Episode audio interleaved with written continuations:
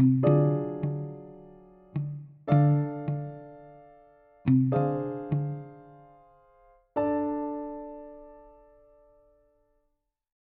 Damai Dalam Sunyi, episode 22, Kematian.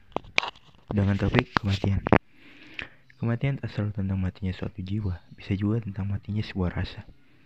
Ketika sebuah rasa telah mati, akan sulit untuk dipulihkan.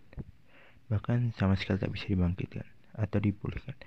Seseorang yang mengalami hal ini akan sulit untuk berekspresi, lebih banyak memper, memper memperlihatkan ekspresi yang datar. Namun pastinya masih ada kemungkinan untuk bangkit dan kembali seperti semula. Ya apa pun itu tentang kehilangan rasa akan sulit.